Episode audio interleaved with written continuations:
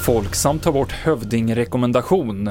Få ukrainare har valt Sverige och dyra svenska gubbar väntar på midsommar. Det handlar om i TV4-nyheterna, som börjar med att berätta att en 16-åring som är misstänkt för våldsdådet i Västerås erkänner att han attackerade de två männen. Det framkom under dagens förhandling, där 16-åringen häktades för två mordförsök. Han ska nu genomgå en rättspsykiatrisk undersökning, skriver VLT. Regeringen trodde att minst 76 000 ukrainska flyktingar skulle ha kommit till Sverige innan junis slut.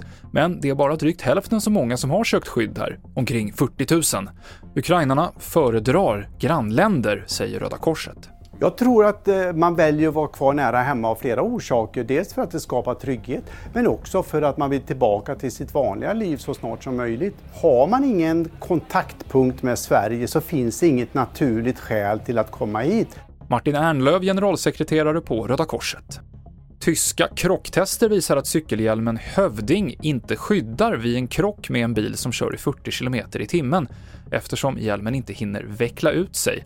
Och nu tar Folksam bort sin rekommendation för Hövding. Och kyligt väder och regn på många håll har gjort att eh, svenska jordgubbar kan bli en bristvara under midsommar. Försäljningschefen på Hebe Frukt och Grönt i Göteborg, Magnus Sundén, säger att man fått leta med ljus och lykta efter svenska jordgubbar och han varnar för att de kan bli ovanligt dyra i år.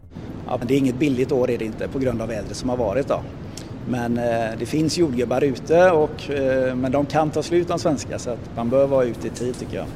Senaste nytt finns i appen TV4 Nyheterna, i studion Mikael Klintevall.